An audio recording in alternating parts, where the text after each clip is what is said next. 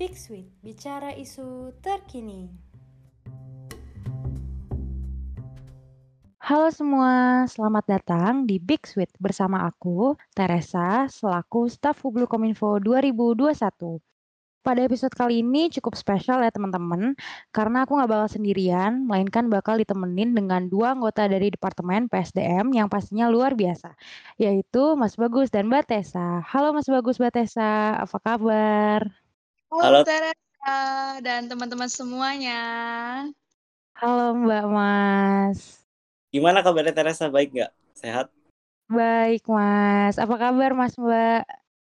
Puji Tuhan baik juga, sehat kok. Puji Tuhan baik, yeay. Baik. Bisa diundang di sini. Widih, oke. Sebelumnya boleh dong Mas Mbak, sebelumnya perkenalin diri dulu. Oke, makasih Teresa. Halo teman-teman, kenalin. Namaku Tessa Lonika, biasa dipanggil Tessa. Aku dari PSDM. Salam kenal semuanya. Salam kenal Mbak Tessa. Oke, uh, selanjutnya aku ya. Halo teman-teman semuanya, perkenalkan aku Bagus Saputra Krompis, bisa dipanggil Bagus, juga dari Departemen PSDM juga, BMFKM UNER. Salam kenal semuanya. Salam kenal Mas Bagus. Oke, gimana nih Mas Mbak so far kehidupan di masa pandemi? Kuliah online aman nggak nih Mas Mbak? Hmm, aman nggak nih Tessa? Kalau dibilang aman sih aman, kalau dibilang nggak aman sih nggak aman juga gitu. Di tengah-tengah ya Mas Mbak? Betul, so-so lah. Oke, nah Mas Mbak, nggak kerasa banget sih ya, kita udah setahunan lebih beraktivitas di rumah aja. Mungkin kalau sekarang udah nggak seketat awal tahun 2020 ya, sekarang udah banyak yang beraktivitas di luar rumah. Nah, aku mau tahu nih, Mas Bagus dan Mbak Tessa kegiatannya selama pandemi ini apa aja sih? Hmm, oke, kegiatan selama pandemi ya. Kalau dari aku pribadi, lebih ke work from home sih, kayak semuanya kan dari rumah ya, kuliah dari rumah, organisasi, kepanitiaan, semuanya tuh komunikasi sama koordinasinya juga dari rumah gitu. Jadi ya uh, kegiatannya cuma di rumah aja sih gitu. Cuman uh, kalau kegiatan sama pandemi, mungkin aku kayak mencoba hal baru gitu ya, kayak semisal belakangan ini aku nyoba buat ini sih, belajar untuk nemenin kakak aku di dapur juga jadi nyoba masak-masak gitu kan uh, ternyata ternyata nggak segampang itu gitu ternyata Hmm, jadi uh, kalau bisa dibilang hobi baru dari Mas Bagus ini masak gitu ya, Mas? Sebenarnya bukan hobi ya, cuma ya kebetulan aja nyoba hal baru gitu. Oke, nyoba-nyoba. Oke. Yeah. Gimana nih kalau Mbak Tessa? Oke, kalau tadi Mas Bagus kan um, sering banget nih bantu kakaknya di dapur. Kalau aku hobi baru atau hal yang sebenarnya aku bisa lakuin sejak pandemi, yang pertama itu aku lebih sering nih buat main musik gitu. Karena waktu aku di Surabaya, waktu masih offline kuliahnya, karena aku nggak bisa tuh bawa keyboard atau piano aku ke kos gitu kan. Nah, selama di rumah, aku jadi sering main-main musik, dan juga sekarang aku lagi belajar gitar nih, hal baru kan buat aku gitar.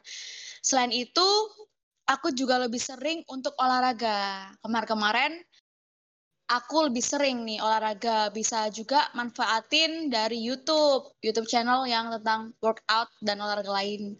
Selain itu, aku juga lebih sering nonton YouTube. Nah, ini dia, aku jadi belajar apa pun dari YouTube. Misalnya belajar makeup nih kalau cewek-cewek kan, makeup atau belajar resep-resep masakan, fashion atau apa pun itu. Selain itu aku juga nih tetap bisa bantu orang tua karena pandemi ini. Lebih sering ketemu dan tahu aktivitas dari orang tua tuh ngapain aja jadi kita bisa belajar banyak. Saya itu benar juga kata Mas Bagus jadi semakin um, aktif organisasi sih karena melalui online ini juga dimudahkan melalui virtual gitu jadi setiap diskusi dan rapatnya. Gitu Teresa. Oh gitu. Keren keren banget Mbak. Oke ada nggak sih suatu hal spesifik yang kira-kira Mas Bagus dan Mbak Tessa nggak bakal lakuin kalau emang nggak ada pandemi? Kayak misalkan contohnya tuh, mmm, tahun lalu kan, uh, banyak banget, uh, video-video workout di YouTube gitu ya. Jadi orang yang nggak pernah olahraga tiba-tiba jadi olahraga, terus orang yang nggak pernah masak terus tiba-tiba coba masak dan ada yang jualan. Terus ada satu hal lagi yaitu drakor. Orang yang nggak pernah nonton drakor kayak entah kenapa saat ada pandemi tiba-tiba jadi nonton drakor. Ada nggak kalau dari Mas Bagus Mbak Tessa? Um, kalau dari aku dulu ya, uh, kalau aku ya kayak tadi sih uh, masak gitu ya. Nggak pernah tuh sebelumnya terpikirkan di kepala aku kalau misal aku bakalan nyoba masak gitu ya kan. Kayak ngapain juga aku masak gitu. Tapi ya ya ketika pandemi ini aku nggak mau nggak mau kan juga harus di rumah gitu ya. Dan uh, kesibukanku di rumah juga cuman ada laptop selain itu ya udah nggak ada lagi gitu. Alhasil mau nggak mau juga aku harus kayak uh, sering dimintain tolong sama kakakku sama orang tua aku juga kan buat bantu-bantu gitu. Dan akhirnya ya udah aku akhirnya uh, mencoba untuk membantu mereka ya lewat masak itu tadi gitu. Dan itu salah satu hal yang nggak pernah terpikirkan di kepala aku sebelumnya kalau aku bisa melakukan gitu sampai akhirnya pandemi ini ada ya udah akhirnya uh, oh alah. Iya ya gitu. Oke. Masak ya berarti kalau Mas Bagus. Kalau Mbak Tessa apa Mbak? Oke, kalau uh, selain dari yang aku sebutkan tadi, misalnya aku tadi kan bilang musik, olahraga, bantu orang tua, makeup, dan aktif juga diskusi dan organisasi, um, aku juga lebih itu deh, ngerti deh sama platform kayak Zoom dan Google Meet. Nah, sebelum aku pandemi ini, aku nggak ngerti tuh. Emang bisa ya meet lewat online? Lainnya, aku jadi belajar tuh lewat Zoom dan Google Meet itu gimana cara bikin roomnya dan lain-lain. Selain itu, uh, adaptasi kan ya melalui online ini. Kita bisa pakai platform apa gitu. Jadi kalau nggak ada pandemi, aku mungkin nggak kenal namanya Zoom dan Google Meet deh. Hmm, benar-benar, benar sih Mbak. Oke, nah aku mau nanya lagi nih, kira-kira ada nggak bad habit selama pandemi ini? Waduh, banyak sih kalau bad habit ya Kak sih. Apa tuh Mas? Boleh tolong disebutin sedikit? Kalau aku bad habit, mungkin salah satunya uh, rebahan ya. Sebenarnya rebahan tuh kalau misal kita sekali dua kali gitu kayaknya nggak apa-apa ya, karena kan uh, anggap aja istirahat gitu. Tapi kalau misal diulang berkali-kali dan itu menjadi habit, yaitu bad habit namanya kan ya. Jadi kebiasaan yang buruk gitu. Ah, iya benar-benar benar. Bahan tiap hari gitu kan, tiap saat padahal tugas masih numpuk gitu. Sibukan masih banyak, tapi uh, nggak tahu kenapa pengennya rebahan terus gitu. Nah, itu salah satu hmm. yang aku alamin sih selama ini gitu. Terus juga kan uh, rebahan itu aku juga ini sih karena pandemi ini kan juga um, semuanya kan serba online gitu ya. Gak tau kenapa uh, semua kesibukan dan uh, ya kesibukan itu kayak numpuk gitu kan di kepala. Jadi aku kayak seakan-akan uh, untuk berpikir positif itu agak susah gitu. Jadi itu salah satu menurutku bad habit yang juga aku alamin gitu. Kayak uh, selalu berpikir yang negatif gitu. Nanti ini kalau misalnya kayak gini gimana gitu itu mungkin salah satu bad habit yang aku rasain juga sih tapi itu kayaknya bukan habit ya kayaknya ya kalau berpikir hmm. berpikir negatif gitu iya iya yang buruk juga lah intinya gitu di selama pandemi ini gitu uh, oh, oke okay, oke okay. kalau mbak Tessa gimana nih mbak Oke, okay. kalau aku bad habit, kebiasaan buruk di masa pandemi. Hmm, yang pertama yang paling aku khawatir adalah karena aku terlalu sering dan terlalu lama menatap layar gadget.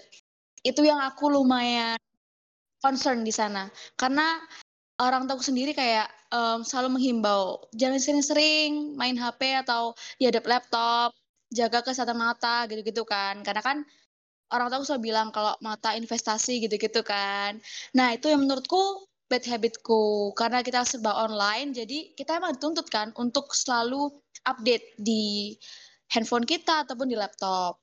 Oke, terus yang kedua, kita jadi cenderung social pinch deh kayaknya. Karena kalau aku sendiri gitu, aku lebih sering, sering untuk uh, main-main sosial media, Instagram dan lain-lain. Itu yang menurutku um, kurang baik. Dan kalau sebelum pandemi, aku nggak sering ini sih gitu.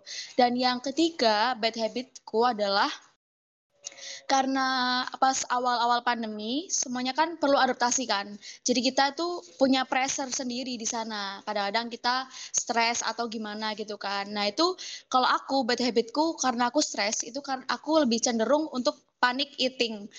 aku selalu lari ke makan. Kalau aku stres, itu bad habit banget untuk wanita, ya nggak sih Teres ya? Bener Iya banget sih, bener bener bener. Bener banget, gitu Wak. kan. Jangan dong, kalau kamu stres nanti malah stres gitu kan, takut banget.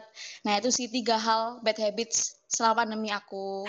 Oke, nah kalau misalkan cara mengatasinya tuh gimana sih dari Mas Bagus dan Mbak Tessa? Kan kalau Mas Bagus rebahan sama lebih ke negative thinking ya, gimana tuh Mas?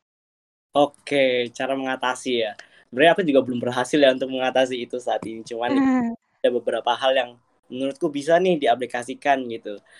Eh kalau untuk rebahan menurut aku gimana ya? Menurutku salah satu caranya adalah mencoba hal-hal baru gitu ya. Kayak yang tadi udah disebutin di awal gitu.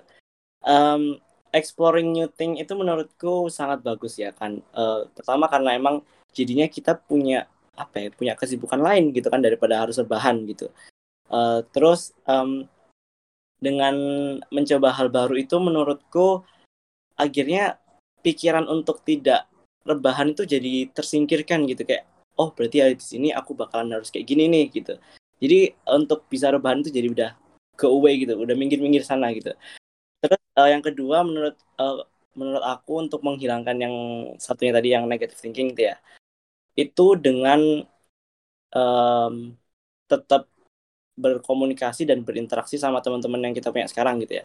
Uh, di masa yang online kayak gini tentunya kayak kita pasti struggling banget kan dengan dengan berkomunikasi gitu. Kita nggak bisa tatap muka secara langsung kita nggak bisa chit chat bareng secara langsung gitu kan. Kayak ya pokoknya kalau interaksi secara langsung tuh feelnya lebih dapet gitu. Cuman karena ini online uh, itu salah satu hal yang agak susah ya buat kita. Tapi dengan kita tetap berkomunikasi berinteraksi itu menurutku lebih mencerahkan pikiran aja gitu. Kita dapat positive vibes dari lingkungan-lingkungan dari teman-teman kita gitu dengan berinteraksi dan berkomunikasi gitu. Kita, kita jadi dapat insight baru gitu buat apa ya menambah wawasan kita. Jadi gak melulu buat negative thinking terus gitu buat kita yang sendiri gitu. Jadi menurut aku itu sih. Iya sih benar. Karena kalau misalkan kita lagi bersosialisasi uh, entah kenapa pengen negative thinking juga terhambat gitu ya mas. Oh, iya setuju sih. Oke nah kalau mbak Tessa gimana nih mbak terutama aku mau nanya tips yang kalau makannya binge eating gitu relate buat cewek-cewek. Nah, jadi puji Tuhan dan aku bersyukur aku udah bisa mengatasi bad habit itu. Sekarang aku lagi memperbaiki hal itu, apalagi masalah binge eating tadi. Nah, untuk binge eating, yang pertama um, pressure-nya adalah karena stres gitu. Please buat teman-teman di sana, kalau kamu stres, apalagi kamu cewek, oke, okay, kamu harus mencari atau mengatasi stres kamu dulu. Baru kamu um, bisa mengatur pola makanmu. Kalau emang kamu orangnya kalau stres cenderung lari ke makan, itu sih yang perlu kita perbaiki dulu dari stres dulu. Kamu harus punya self control dulu di stres.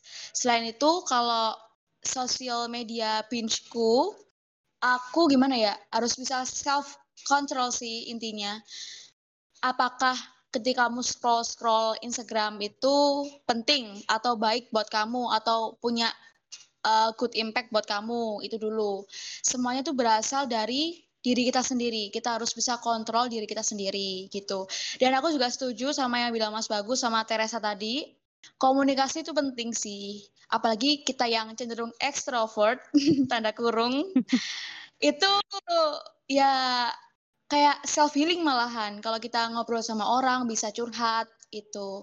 Jadi, misal teman-teman pengen mengatasi bad habits, cari tahu dulu apa yang nge-trigger hal itu.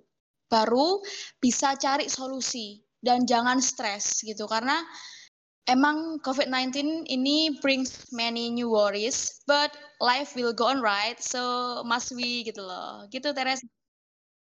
Wih, mantap mantap. Iya, setuju banget sih, Mbak. Oke. Extrovert merasakan pressure-nya selama pandemi ya, Tes ya. Banget nih. Nah, kan sekarang ini kita udah mulai diperbolehkan ya, Mbak Mas, untuk beraktivitas di luar rumah dengan mengikuti protokol kesehatan. Nah, walaupun demikian, ternyata masih banyak juga loh yang stay di rumah. Contohnya kayak aku punya temen, dia tuh sama sekali nggak dibolehin ke rumah. Jadi semua kegiatan dia tuh kalau mau beli makanan, kalau mau beli baju, belanja semuanya itu diwakilkan sama jasa-jasa online yang sekarang ada. Nah, tentunya kalau kayak gitu pasti mumet nggak sih Mas Mbak? Kayak sama sekali nggak dibolehin keluar rumah gitu. Nah, aku mau nanya nih, kira-kira ada nggak sih rekomendasi kegiatan untuk uh, mengembangkan diri terutama uh, buat orang-orang yang masih 100% atau enggak 90% stay di rumah? Hmm, mungkin memang benar ya, setiap orang itu punya caranya masing-masing untuk bisa stay produktif di kala pandemi. Nah, kalau aku cuma mau bilang bahwa pengembangan, pengembangan diri itu beda-beda ya tiap orang ya. Karena kita pun tahu personal orang tuh beda-beda, benar nggak? Benar, benar, benar. Jadi, kebutuhan untuk pengembangannya atau pengembangan diri itu beda-beda. Kalau aku, aku sendiri, aku tuh butuh ngembangin diri di bidang time management karena banyaknya kegiatan dan juga banyaknya kesibukan yang aku hadapi, jadi aku harus bisa manage itu semua. Nah, satu, jadi mungkin teman-teman juga bisa ambil ini ya positifnya bahwa teman-teman bisa time management belajar mulai sekarang karena um, pandemi ini kan memudahkan juga kita hanya buy online jadi memudahkan gitu. Dan juga um, kalian bisa nemuin interest kalian di mana. Kalian pengen dan suka melakukan hal apa. Kalau emang suka di bagian itu just do it. Kalian nggak perlu mikir dua kali karena di pandemi ini kayak sepertinya Tuhan kasih waktu kita deh untuk melakukan hal-hal yang bisa aja kita suka untuk kita bisa berkembang di situ. Kalau aku uh, suka main musik, ya udah tinggal buka YouTube, kan semua bisa belajar deh dari YouTube dan mana-mana tuh. Dan aku juga bisa belajar skill skill-skill yang aku belum pelajari sebelumnya, melodi-melodi dan lain-lain. Jadi um, karena pengembangan diri beda-beda, kalian harus nemu interest kalian dulu apa, baru kalian bisa cari solusi gimana cara belajarnya gitu. Oke, jadi dengan kata lain kita juga harus nge-explore diri ya, Mbak. Kita harus tahu di mana interest kita gitu. Bener banget. Oke, kalau Mas Bagus gimana nih, Mas? Oke, aku setuju banget, setuju banget sama yang dikatain dikatain Tessa tadi. Setiap orang tuh punya uh, cara untuk mengembangkan dirinya masing-masing ya. Karena setiap orang punya kapasitasnya masing-masing punya karakteristiknya masing-masing gitu. Dan salah satu caranya yaitu tadi um, keep exploring new things gitu. Kayak siapa tahu kan nanti hal yang sebelumnya kamu nggak pernah terpikirkan untuk dilakukan ternyata itu yang merupakan interest kamu sama ini gitu. Ternyata itu yang hal yang bisa mengembangkan diri kamu gitu. Nah kalau dari aku sendiri aku juga sama kayak tes saya time management itu yang perlu aku kembang yang perlu aku kembangin di situasi sekarang ini gitu. Gimana aku bisa memprioritaskan kesibukanku saat ini mana yang mendesak dan mana yang penting dan mana yang enggak gitu. Karena uh, memprioritaskan kesibukan itu juga penting ya dalam time management. Jadi itu yang lagi aku benar-benar fokusin sekarang untuk mengembangkan diriku gitu. Itu sih. Oke Oke, keren-keren. Nah, boleh dong, uh, minta sarannya bagi pendengar supaya bisa termotivasi untuk mengembangkan diri di masa pandemi ini? Oke, teman-teman, mungkin teman-teman yang mendengarkan ini ada yang masih, um, pengen tahu, gimana sih cara mengembangkan diri aku, kenapa aku gini-gini aja. Oke, mungkin ini jawaban buat teman-teman ya. Jadi, oke, teman-teman, teman-teman harus tahu um, kebutuhan teman-teman di mana. Teman-teman pengen dikenal dengan cara apa atau dengan bentuk apa. Itu termasuk juga branding di situ. Nah, kita harus juga belajar tentang self development atau pengembangan diri. Nah, itu bisa membantu kita untuk melihat sisi dalam kita dan keluar diri kita kalau um, sisi ke dalam kita kita tuh bisa bela belajar mengenal diri sendiri. Apa yang kita suka dan apa yang enggak kita suka. Kalau melihat dari sisi luar kita bisa nih mencari um, sebenarnya interest kita di mana. Dari um, dari bakat-bakat orang lain atau dari orang-orang um, yang menginspirasi kita gitu. Nah, kita juga harus um, tentukan self development itu tujuannya ke mana. Karena self development itu nanti mengarah sama goal kita. Misalnya um, goal aku, aku pengen aktif di organisasi. Aktif, caranya gimana? Ya aku join sama kepanitiaan dan lain-lain. Oke. Okay. Nah, caranya untuk ngembangin itu tentunya kita harus punya time management. Kita harus bisa ngatur. Karena kita udah ambil resiko kita mau aktif organisasi, tentu saja kita harus punya skill time management gitu. Jadi self development sebenarnya ditujukan untuk sebuah goal kita. Teman-teman harus tentuin dulu. Yang pertama goal dan juga um, stepnya apa, langkah-langkahnya, kemudian um, skill apa yang dibutuhkan untuk bisa melakukan hal itu. Jadi teman-teman tetap semangat karena teman-teman itu nggak sendirian. Semua di dunia ini bahkan kita harus tetap adaptasi sama yang namanya pandemic COVID-19 ini gitu. Semangat teman-teman, itu kalau dari aku.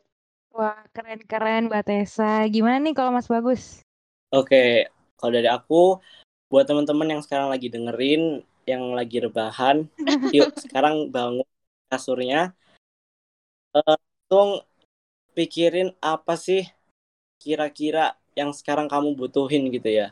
Apa yang kira-kira sekarang tuh apa yang perlu kamu kembangin gitu. Kalau udah kepikiran apa langsung buka HP cari di Google cari di YouTube cari di Instagram TikTok dan lain-lain cara untuk bisa mengembangkan itu gitu. Karena kita nggak tahu ya apa yang kalian butuhin apa yang kalian harus kembangin gitu. Jadi eh, siapa tahu ya ketika kalian sudah mencari apa yang bisa kalian kembangin itu yaudah kalian tinggal lakuin itu aja meskipun itu hal yang baru ya buat kalian uh, lakuin aja keep exploring new thing karena itu yang yang nantinya siapa tahu bisa jadi hal yang merupakan bisa mengembangkan diri kalian gitu. Who knows gitu kan ya. Jadi eh, nggak uh, ada waktu lagi untuk rebahan. Mulai cari uh, aktivitas yang bisa mengembangkan diri kamu sekarang juga gitu. Itu sih dari aku. Wah iya keren banget nih Mas Bagus. Oke Wah, nggak kerasa banget ya nih Mas Mbak, kita udah cukup lama tadi berbincang-bincang. Nah, sebelumnya aku pengen ngomong lagi, kalau misalkan teman-teman punya request suatu topik untuk dibahas, bisa banget request melalui Instagram atau official line at BMFKMUNER. Nah, makasih banget ya Mas Bagus dan Mbak Tessa atas waktunya. Makasih juga Teresa udah diundang di podcast. Iya, terima kasih juga buat teman-teman yang udah mendengarkan podcast ini. Semoga podcast ini bisa bermanfaat bagi kita semua. Sampai jumpa di episode selanjutnya. Dadah. Dadah, thank you guys.